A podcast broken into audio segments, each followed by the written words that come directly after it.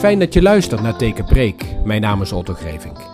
Je gaat vandaag luisteren naar een live-opname van een preek in de laatste coronaviering over het boek De meeste mensen deugen van Rutger Bregman.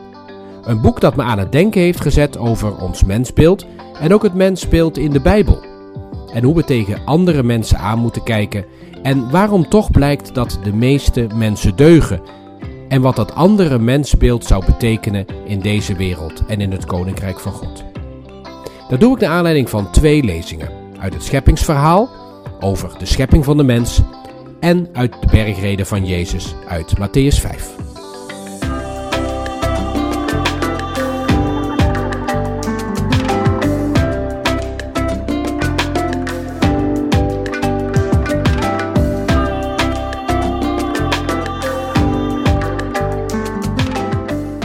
Ik lees je eerst een paar versen voor uit Genesis 1. God zei: Laten wij mensen maken die ons evenbeeld zijn, die op ons lijken. God schiep de mens als zijn evenbeeld. Als evenbeeld van God schiep hij hem, mannelijk en vrouwelijk schiep hij de mensen.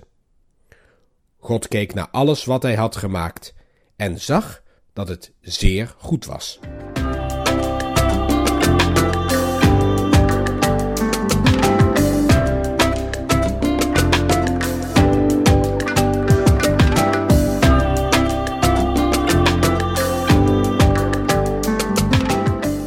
Uit Matthäus 5 lees ik voor je de versen 38 tot en met 48.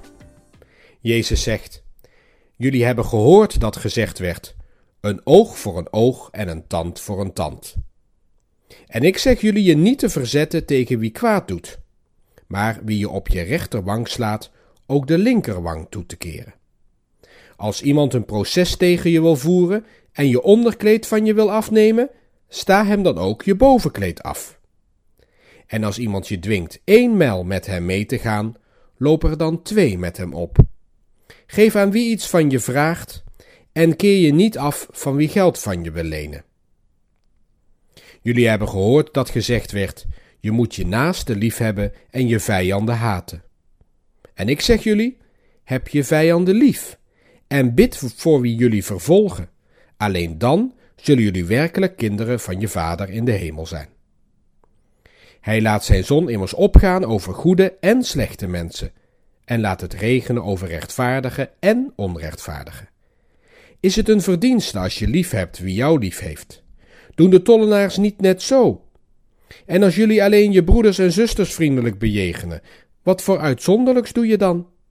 Doen de heidenen niet net zo? Wees dus volmaakt, zoals jullie hemelse Vader volmaakt is.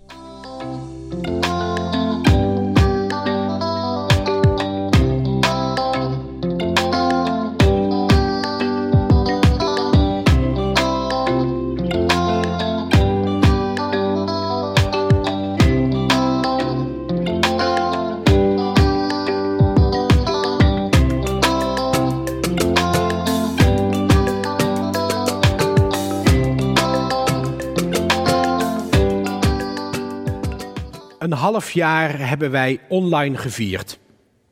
Wat is er in die korte tijd veel gebeurd? Herinner je nog hoe we hier begonnen? En hoe we begonnen aan het begin van de coronacrisis? Wat het gevoel toen was en de stemming in het land. We wisten niet wat ons overkwam. Letterlijk ook niet. We wisten niet waar we mee te maken hadden.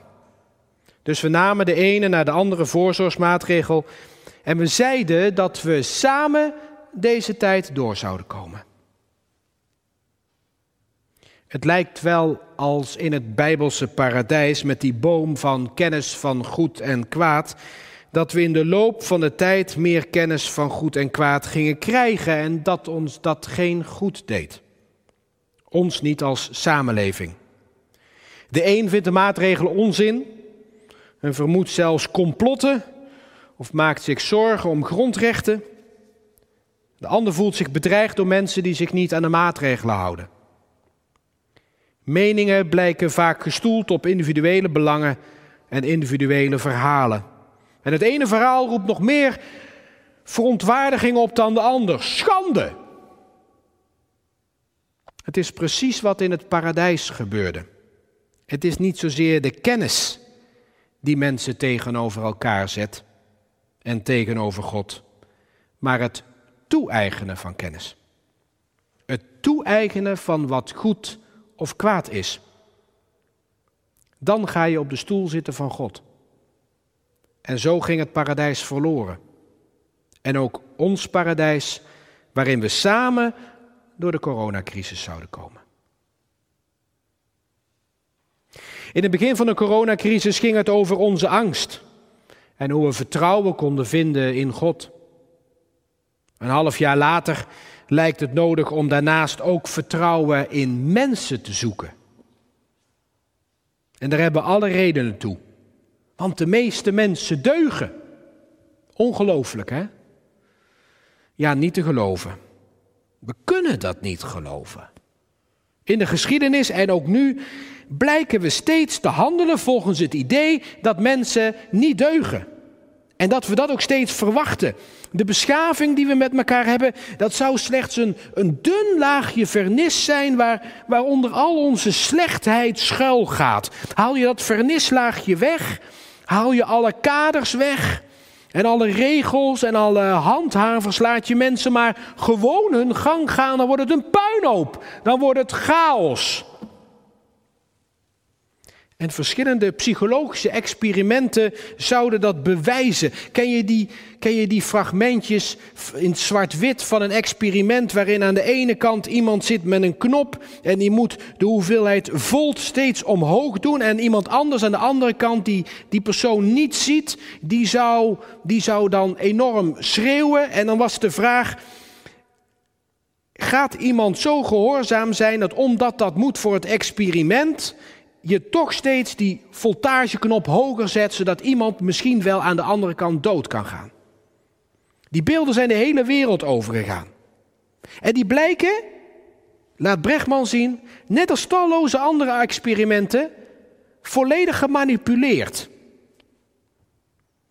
Door de keuze van de mensen die achter die knoppen zitten, door de zinnen die gesproken worden, omdat de onderzoekers niet kunnen geloven dat uit het experiment zou komen dat mensen dat niet zouden doen.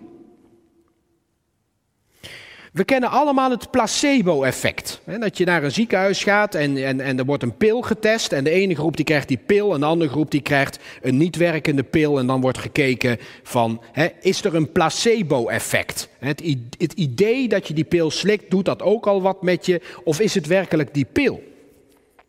En blijkbaar bestaat er nog iets anders, dat wist ik niet, heb ik ook geleerd. Er blijkt een nocebo-effect te zijn. Niet een placebo, maar een nocebo. Dat betekent niet dat je iets weghaalt, namelijk de werking van die pil, maar dat je iets toevoegt, namelijk een zin of een bepaalde keuze van proefpersonen of een bepaalde vraagstelling of een bepaalde ansenering of verzin maar. Ehm, en dat blijkt dus heel vaak in dit soort onderzoeken het geval te zijn. Blijkt bij het, bij het lezen van de verslagen van die onderzoeken. En dan kun je zeggen, is dat, eh, doen ze daar de wetenschap recht mee? Die discussie moeten we niet aangaan. Het gaat erom dat blijkbaar ook die onderzoekers niet anders kunnen denken als dat mensen slecht zijn. En dat dat wel uit het onderzoek moet komen. We blijken dat ook in films te verwachten en in verhalen. Als je mensen zomaar hun gang laat gaan, dan gaat het slecht. Blijkbaar zijn we zo gefixeerd op het idee dat mensen niet deugen, dat we zoeken naar bewijs daarvoor. En zo kijken we dus ook naar de wereld. En dus ook naar de stand van de coronacrisis. Het, viel me op in het nieuws van de afgelopen weken van de zomervakantie dat journalisten bijna op zoek waren naar bewijs dat er een tweede golf aan ging komen.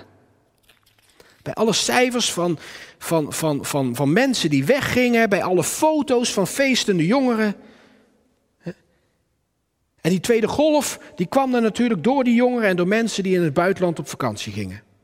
En natuurlijk zit daar een risico in, daar doe ik niks aan af. Er moet naar gehandeld worden en ik heb het ook met argusogen aanschouwd. Maar als je zou onderzoeken hoe en wat er nou werkelijk gebeurd is, dan kun je je voorstellen dat het maar marginale verschijnselen zijn. Luister maar om je heen. Wie is er werkelijk ver weg geweest en met het vliegtuig? Heel veel mensen zijn thuisgebleven of zijn gewoon in Nederland op vakantie gegaan. Het merendeel houdt zich gewoon netjes aan de maatregelen. Maar de excessen uit het nieuws, die blijven op ons netvlies. Van feestende jongeren, volle vliegtuigen, volle markten en supermarkten. We handelen dus vaak vanuit het idee dat andere mensen niet deugen. Het tegendeel blijkt waar.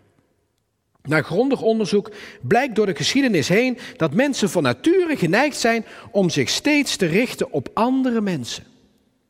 Zelfs in oorlog. Dat, twee voorbeelden uit het boek troffen me heel erg. Dat uit onderzoek keer op keer blijkt dat maar een klein percentage van de soldaten, namelijk 15%, daadwerkelijk zijn geweer afvuurt. En de rest doet alles aan om dat niet te hoeven doen. Dat blijkt door verschillende oorlogen heen te zien te zijn. Die zijn bezig met het continu laden van hun geweer of met het verder uitgraven van loopgraven of wat dan ook. Alles om maar niet te hoeven vuren. En dan is er die scène uit de Eerste Wereldoorlog. Misschien heb je hem wel eens gezien. Van die zwart-wit foto's toen met kerst 1914. Dat tijdens de wapenstilstand de soldaten uit een loopgraven kwamen en met de vijand kerst gingen vieren. Wanneer afstand overbrugd wordt en mensen mensen zien, dan ontstaat er vrede. Dan zul je zeggen, ja maar die oorlog die duurde nog jaren daarna. Dat klopt. Dat komt omdat er omdat de hogere legerleidingen er alles aan deden om niet opnieuw de soldaten elkaar te laten ontmoeten. Het werd verboden bij de volgende kerstvieringen om dat te doen. Om maar het vijandbeeld in stand te houden. Machthebbers zijn gebaat bij afstand. We handelen onterecht vanuit het idee dus dat de meeste mensen niet deugen. In ons land hebben we dat de afgelopen tijd hard geleerd met de toeslagenaffaire. Kinderen die een kinderopvangtoeslag aanvroegen, werden ten onrechte aangemerkt als fraudeur, waarbij ze te maken kregen met een overheid die haar burgers wantrouwt. Met vreselijke gevolgen. Met de terechte aandacht die daarvoor gevraagd wordt, wordt vergeten dat we zelf op dat wantrouwen hebben aangedrongen. Kamerbreed werd aangedrongen op meer controle op de toeslagen vanwege misbruik in de jaren ervoor. We denken collectief in wantrouwen. Niet in onszelf, maar in de ander. Zeker de onbekende ander. En de vraag die nu mag reizen en die nog niemand stelt is: handelen deze ambtenaren nu van de Belastingdienst, handelen die omdat ze slecht zijn? Of dachten ze het goede te doen? Ja, natuurlijk, ze hadden beter kunnen weten, beter moeten weten en ik heb es niet gewoest is geen excuus. Maar keer op keer blijkt, laat het boek van Brechtman ook zien, dat mensen ook in kwade systemen, vaak doen wat ze doen omdat ze denken dat dat het goede is. Dat mensen dus altijd gericht zijn op het goede. Dat kun je ziek vinden, geïndoctrineerd of wat dan ook, maar het betekent niet dat het slechte mensen zijn. Hoe graag we ook iemand de schuld geven en wat betreft acties terecht natuurlijk, en dat we ook terecht kwaad zijn. Maar mensen zijn niet per definitie slecht. Hoe doorbreek je dat dan? Hoe doorbreek je de verwachting van de ander dat hij iets slechts doet of gaat doen als je niet de ander inperkt met regels of zelfs geweld of hem op afstand houdt of opsluit? Jezus zei: Verzet je niet tegen wie je kwaad doet en wie je op je rechterwang slaat. Keer hem ook je linkerwang toe. De essentie van Jezus' uitspraak is niet een pacifistische, geweldloze houding, nou zozeer, maar wel dat je het systeem waarin we het slechte van anderen verwachten alleen kunt doorbreken als je zelf niet terugslaat. Hoe moeilijk ook. En hoe kwaad of gekwetst of verdrietig je ook kunt zijn. We houden de mythe van de kwade mens er alleen maar mee in stand. En dat terwijl de mens helemaal niet slecht gemaakt is. Zelfs goed. Zeer goed staat er in de Bijbel. Alleen bij deze dag in het scheppingsverhaal. Zeer goed. Bestaat er niet zoiets als zonde dan, dominee? Jawel, maar daarover kan ik heel kort zijn. De grootste zonde is dat we het kwaad buiten onszelf zoeken en in de ander. Dat is kort gezegd de grootste zonde. We zoeken het kwaad buiten onszelf en in de ander. En dat maakt dat we af en toe onmensen zijn. Ja, er is veel te verbeteren, maar dat moeten we samen doen. Diverse experimenten in gevangenissen en steden die in het boek van Brechtman beschreven worden, die laten dat zien. Het kan. En dat hebben we toch ook gezegd met Pasen. Het kan. Samen blijft dus het motto. Anders halen we het slechtste in elkaar naar boven. Dat betekent concreet dat we elkaar wat meer het voordeel van de twijfel mogen gunnen. Hij zal het wel goed bedoelen. En als tweede dat we niet mee moeten leren doen met de boosheid of de agressie van de ander. Doe maar eens een stapje achteruit of opzij. Als je dat leert, dan doorbreek je het. En als derde, en dat is een hele belangrijke voor de toekomst, dat we alert moeten zijn op wat macht doet. Macht die zich bedreigd voelt, die leeft van het idee dat mensen van nature slecht zijn. Kijk maar naar Amerika. Waar mensen in groepen verdeeld worden en waar het idee gepropageerd wordt dat de ene groep de andere groep bedreigt. Door dat te doen creëer je afstand tussen mensen en dan houdt de macht zich in stand en delven mensen het onderspit. En ook in ons land moeten we oppassen voor mensen die afstand willen creëren tussen mensen. Dan gaat het niet alleen om de macht van de overheid of de politiek, maar ook de macht van groepen die hard schreeuwen en andere mensen tegenover zich zetten. Het is makkelijk om boos te zijn wie je niet kent. En het vergroot de macht van mensen die dat voeden. En een retoriek en dat is het gevaarlijke eraan. Die lijkt zich te bewijzen, want natuurlijk komen mensen dan tegenover elkaar te staan. En natuurlijk zal dat botsen. En dan zegt die macht, zie je wel. Maar ze hebben het zelf gecreëerd. En daar moeten we alert op zijn, want we gaan, en dat zijn mijn slotwoorden, nog een moeilijke tijd tegemoet. Waarin diverse machten, groot en klein, en ook in onze verkiezingsstrijd, het idee in stand zullen houden dat mensen en vooral andere mensen slecht zijn. Door de coronacrisis en alle gevolgen daarvan wordt dat versterkt. Er zijn veel hoeken waar de klappen vallen. Er zijn veel kanten waar je naar kunt wijzen voor de oorzaken. We zijn geroepen door God om elkaar vast te houden. Herinner je, als je met één vinger naar een ander wijst, wijzen er altijd nog vier naar jezelf. Want alleen samen houden we het goede in stand. Niet tegen elkaar, maar met elkaar. Ja, dat is kwetsbaar. Maar wat hard is, dat kan breken. Wat kwetsbaar is, buigt mee en houdt stand. Het is niet makkelijk, maar het is de enige manier. En elke keer als we een ander mens zien en niet meer tegenover maar naast ons zien staan, dan zullen we merken dat dit een mooie wereld is. Als we samen zijn. En dat is het geloof. En dat is het perspectief waaruit we mogen leven en waarin we mogen geloven.